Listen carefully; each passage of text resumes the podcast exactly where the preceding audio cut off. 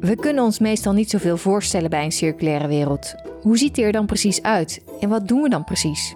En als je niet weet waar je je op moet voorbereiden, hoe weet je dan wat je moet doen? En of je genoeg doet? Met die verbeeldingskracht gaan we in deze podcastserie aan de slag. Door steeds samen met een visionair een stukje van de wereld te schetsen zoals die eruit zou kunnen zien in 2030. En verder in 2050. Mijn naam is Klaske Kruk. Zo'n tien jaar geleden raakte ik betrokken bij de eerste circulaire projecten in Nederland. Ik ben oprichter van Circularities en dit jaar ben ik uitgeroepen tot Circular Hero. Circularities helpt overheden en bedrijven om circulaire economie door te vertalen naar de dagelijkse praktijk. Waarmee veroorzaakt een gemiddelde Nederlander de meeste schade aan het klimaat? Het zal je misschien verbazen, maar het is niet vlees eten of vliegen, maar het aanschaffen van spullen. Denk aan kleding, een nieuwe telefoon of meubels. Het winnen van de grondstoffen voor onze spullen, maar ook de productie en het transport kost veel energie. Daar komt bij dat we een groeiende wereldbevolking hebben, steeds meer consumeren en producten steeds minder lang meegaan. Dus dat moet anders. Maar hoe? Hoe gaan we met z'n allen consumeren op een manier die past bij de circulaire economie? Het mooiste zou natuurlijk zijn als we als consument niet meer kopen wat we eigenlijk niet echt nodig hebben. Maar staat de consument daarvoor open? Nou, we hebben recent een onderzoek gedaan. En daar kwam uit dat een, een, derde van de Nederlanders sinds of na corona duurzamer wil gaan leven. Je hoort Mariska Joustra. Zij werkt bij de voorlichtingsorganisatie Milieu Centraal. Ik werk als communicatieadviseur en dat betekent dat ik meer achter de schermen dan voor de schermen eh, zichtbaar ben. Mariska is een van de weinige specialisten in Nederland die zich bezighoudt met consumentengedrag in de circulaire economie. Zo brengt ze bijvoorbeeld in opdracht van Rijkswaterstaat de circulaire wijken in kaart. Dus wat we willen doen is dat we kijken van wat kan de consument nou op die traders van die circulariteitsladder zelf doen. En dan kijken we naar, uh, naar mobiliteit en naar water, maar ook naar voedsel en biodiversiteit. Dat gaan we in kaart brengen en dat moet na de zomer gaan we dat publiceren.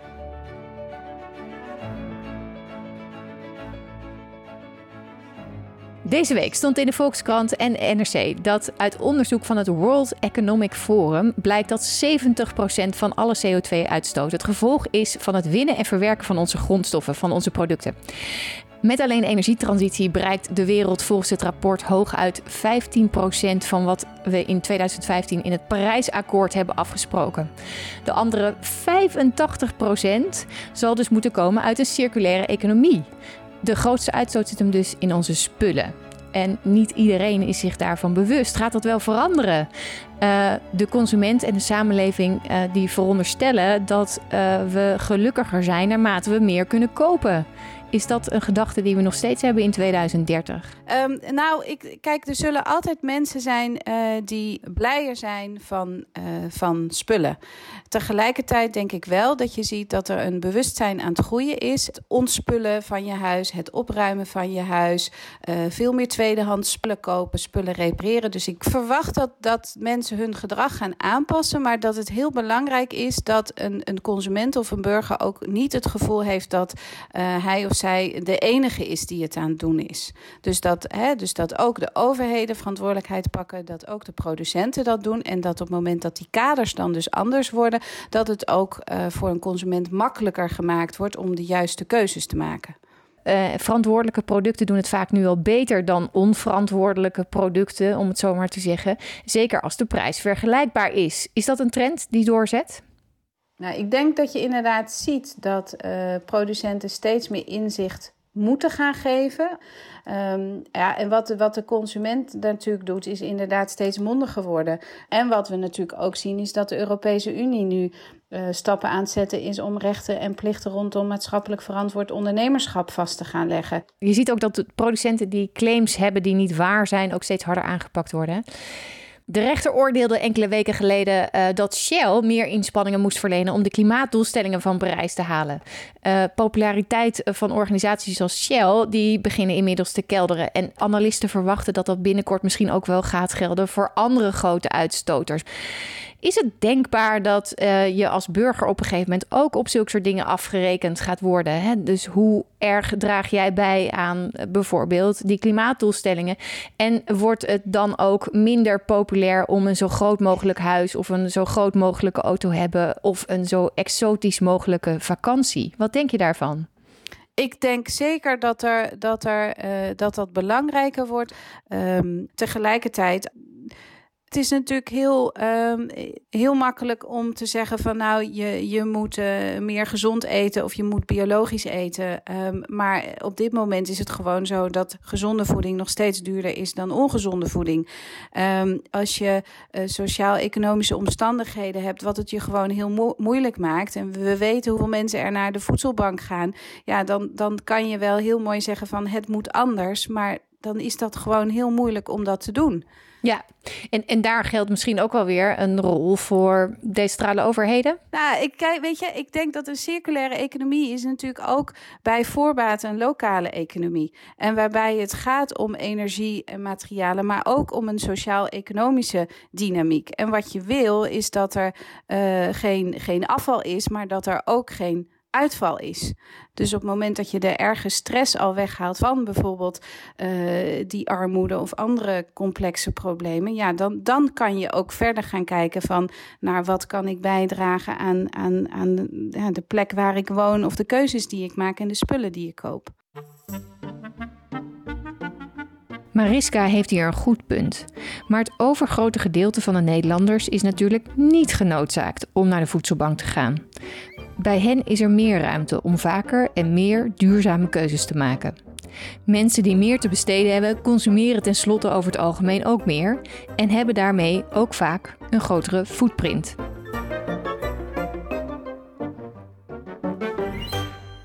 Het delen van spullen wordt vaak aangedragen als een milieuvriendelijk toekomstmodel. De afgelopen tien jaar kreeg de deeleconomie al een boost met initiatieven als Peerbee en deelauto's.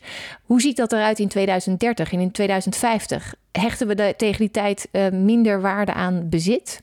Ja, ik denk dat, dat zijn nu nog voorbeelden van omdenken, van het echt anders doen. Maar we gaan ervan uit dat dat steeds normaler wordt. En, en daar zie ik ook wel, kijk, aan de ene kant om een bijvoorbeeld te pakken, de klopboormachine, ja, die koop je vaak als je gaat verhuizen en dan gebruik je hem maar een paar minuten en dan ligt hij te verstoffen op de plank. Dus hoe mooi is het als je die vervolgens met, met nou, de mensen in je buurt kan, uh, hè, kan, kan uitlenen en dat er dus meer mensen gebruik van maken. En tegelijkertijd wil je ook dat dat de spullen die je hebt, uh, dat, je, dat je die koestert en dat je daar de waarde van herkent. Dus, dus ik denk dat het delen en leasen voor een aantal spullen steeds groter zal worden. We zien dat bijvoorbeeld ook bij um, initiatieven als uh, het, het uh, uitlenen van auto's. Maar het moet nog wat meer gemeengoed worden dat dat, dat dus ook niet alleen kan, maar ook makkelijker is. Dat het met de verzekering geregeld is en, en dat het, ja, het leven gewoon misschien ook wel wat makkelijker wordt omdat je omdat je die spullen dus niet zelf hebt, maar wel tot je beschikking hebt. Is dat iets waar een decentrale overheid ook op in kan zetten?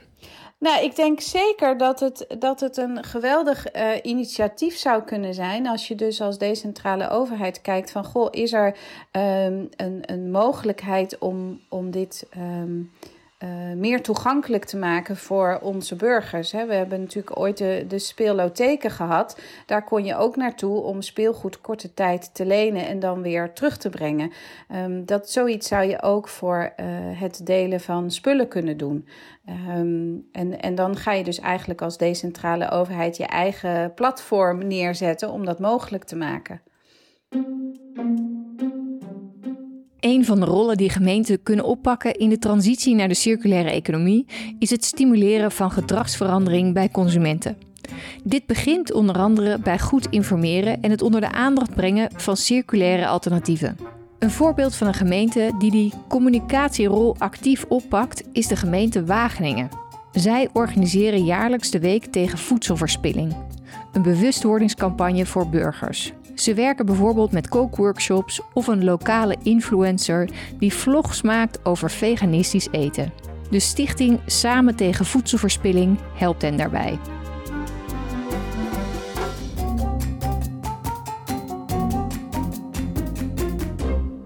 Je ziet ook dat er gemeentes zijn die uh, ook op communicatie weer inzetten hè, om uh, delen te stimuleren of uh, repareren te stimuleren. Daar, daar zie je ook wel campagnes nu op ontstaan, toch? Ja, nou, wat, wat ik denk inderdaad dat, dat gemeentes heel goed kunnen doen, is natuurlijk hè, hun, hun uh, bewoners informeren over wat er allemaal kan.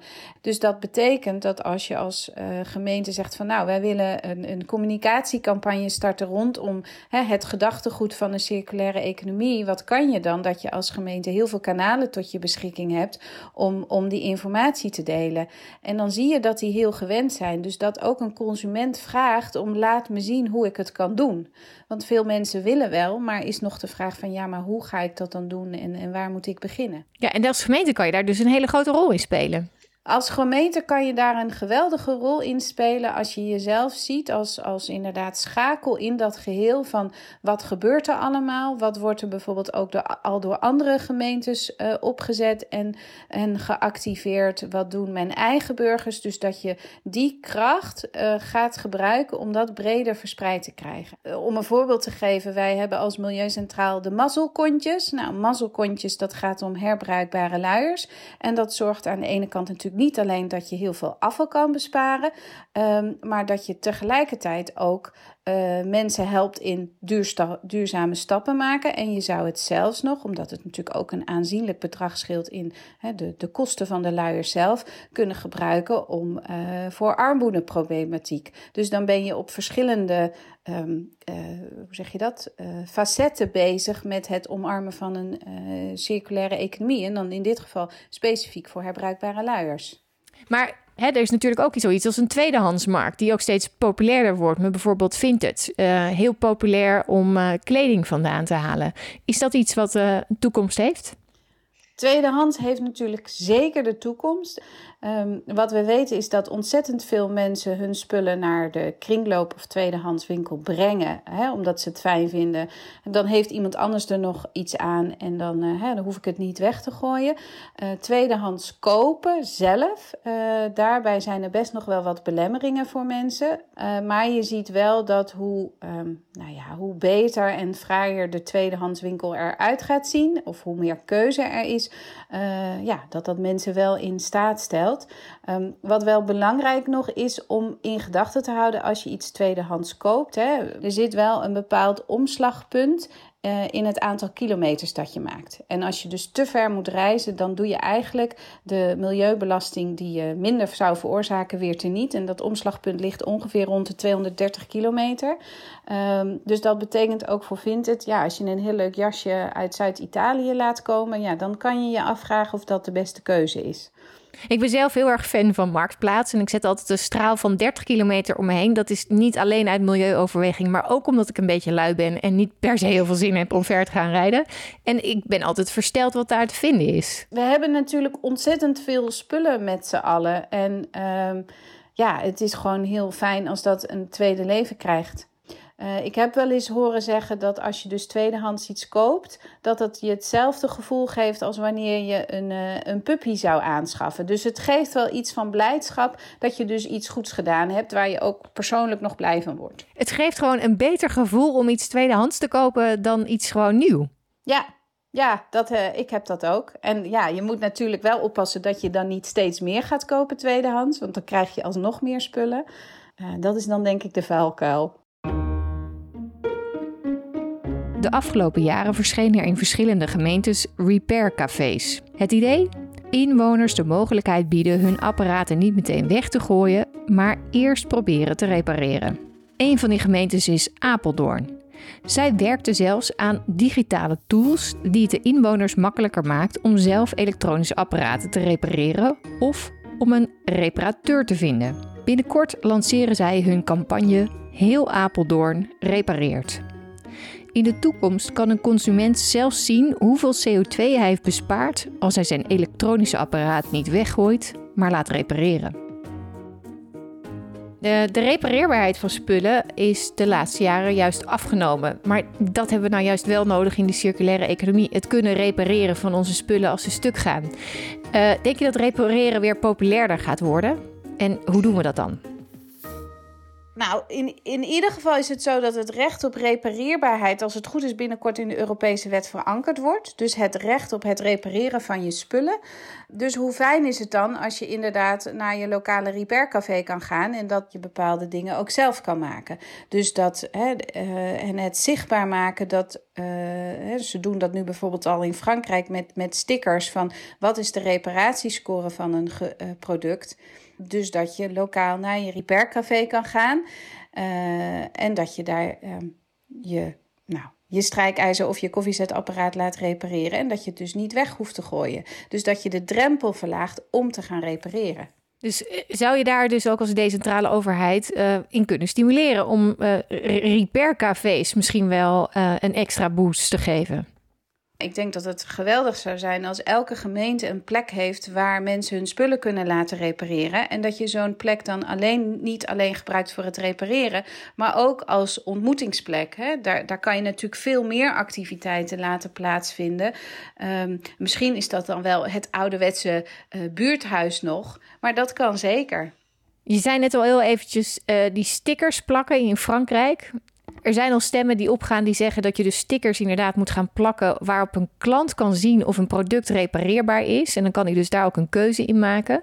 Denk je dat dit het nieuwe normaal gaat worden in 2030? Ik denk dat het een must is dat we spullen meer moeten kunnen repareren. Omdat wat je, wat je nu ziet, uh, is dat het gewoon vaak ontzettend moeilijk is om te repareren. Terwijl ja, de, de meeste onderdelen van het apparaat gewoon goed zijn. En dan gaat het om één klein onderdeeltje. En willen we minder grondstoffen gebruiken, dan, dan zullen we de spullen moeten kunnen repareren. En daarmee de gebruiksduur uh, verlengen. Ja, en in Frankrijk doen ze dat al. Wie plakt die stickertjes dan? Is dat uh, de winkelier, de decentrale overheid? Ik ben benieuwd. Ik, ik, ik, denk dat gewoon de producent dat zelf doet. Dat daar afspraken over gemaakt zijn. Maar ik ben niet helemaal op de hoogte van de Franse wet en regelgeving. Nee, maar het is natuurlijk wel een aansprekelijk voorbeeld dat het bij onze buren in feite dus al gebeurt. Ja, nou, en wat het natuurlijk ook doet, is dat het voor een consument die zo'n sticker ziet, ook gaat denken: oh, wacht, wat, wat betekent die sticker nou? Oh, ik kan dus iets repareren. Als dat dus niet top of mind was, dan kan dat het dus worden. Dus hè, het is niet alleen spullen kunnen gerepareerd worden, maar ook de consument moet zich weer genegen voelen om te zeggen: oké, ik ga het dus niet meteen nieuw bestellen, online of naar de winkel, maar ik ga eerst even mijn best doen om te kijken of ik het kan repareren. En, en dat is ook wel leuk van de mensen bij het River Café. De trots die het geeft als je iets gemaakt hebt. En dat je weet, ja, ik, ik hoef nu niet iets nieuws te kopen. Dat is natuurlijk heerlijk. Ja, het, het, het, misschien verleidt het zelfs wel een consument om uh, een duurder product te komen dat we, kopen wat wel recyclebaar ja, is. Omdat je denkt, zeker. ja, nou ja, maakt het uit. Als het stuk gaat, ga ik het repareren. En dan kunnen mijn kleinkinderen er ook nog wat aan hebben, bij wijze van zeker. spreken. Ja. uh, wat kunnen decentrale overheden eraan doen om dat repareren nou te stimuleren? Natuurlijk kunnen ze natuurlijk hè, de locatie uh, voor een repaircafé uh, stimuleren. Ze kunnen het, het uh, delen van informatie over repaircafés faciliteren. Um, en dan denk ik zelfs aan iets heel simpels als een soort van column van wat is het gerepareerde product van de maand. Um, ze kunnen uh, initiatieven die er zijn zichtbaar maken.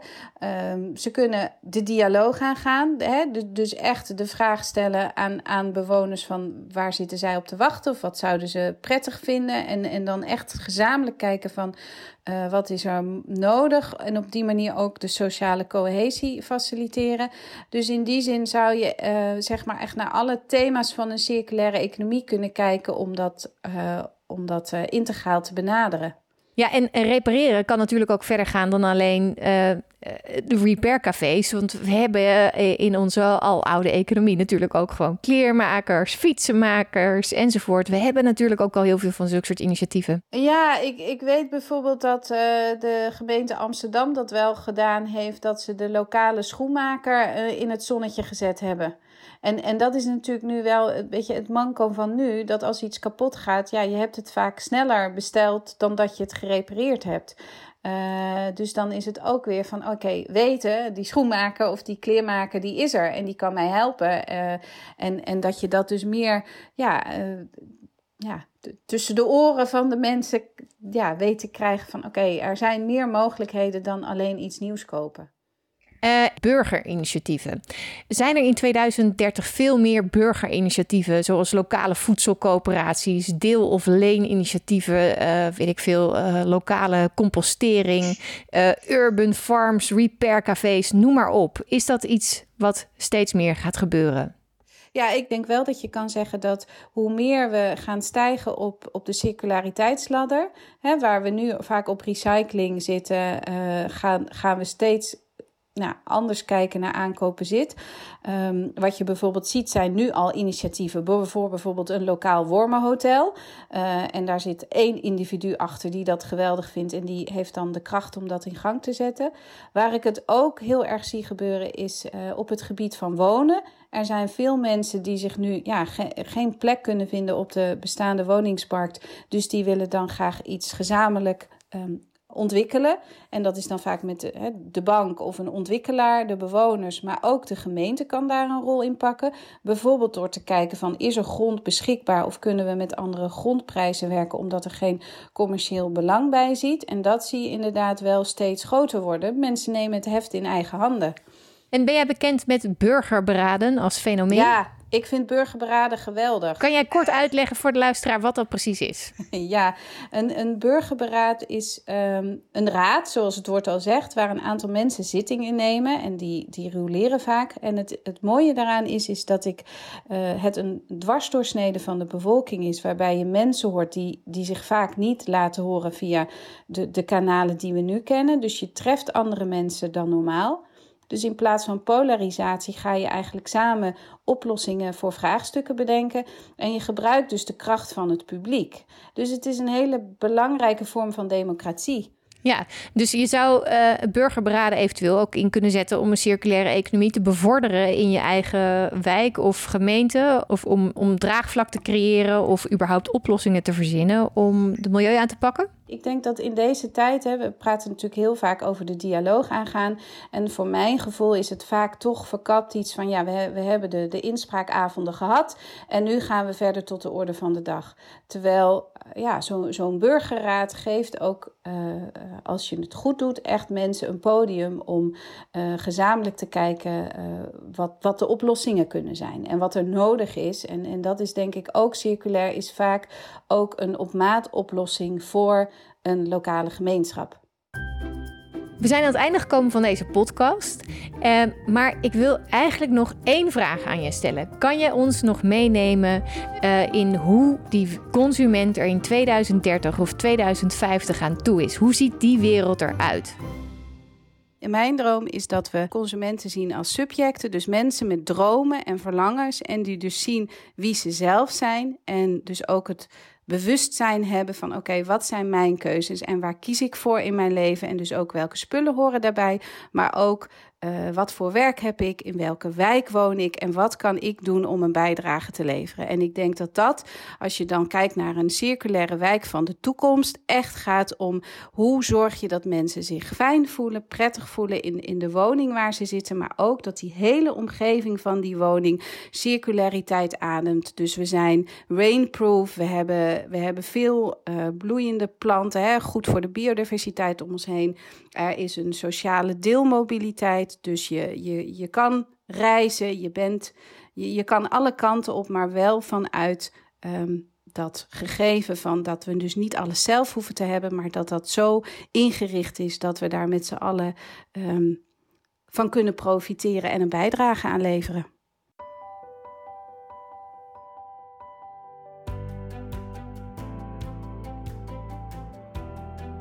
Deze podcastserie wordt je aangeboden door VNG, IPO en de Unie van Waterschappen. En ik ben Klaske Kruk van Circularities. Luister ook de overige afleveringen in deze serie over bouw, landbouw, infra of de afvalwereld. En over hoe je als decentrale overheid circulaire economie kunt stimuleren bij bedrijven. Wil je meer weten over hoe je de circulaire economie in je dagelijkse werkzaamheden integreert? Lees dan het Verschilmakersmagazine, waarin ambtenaren in persoonlijke diepte-interviews je precies uitleggen hoe zij te werk zijn gegaan. Je vindt het magazine op deverschilmakers.nl. Heb je vragen of wil je verder in gesprek? Neem dan contact met me op via klaske.circularities.com.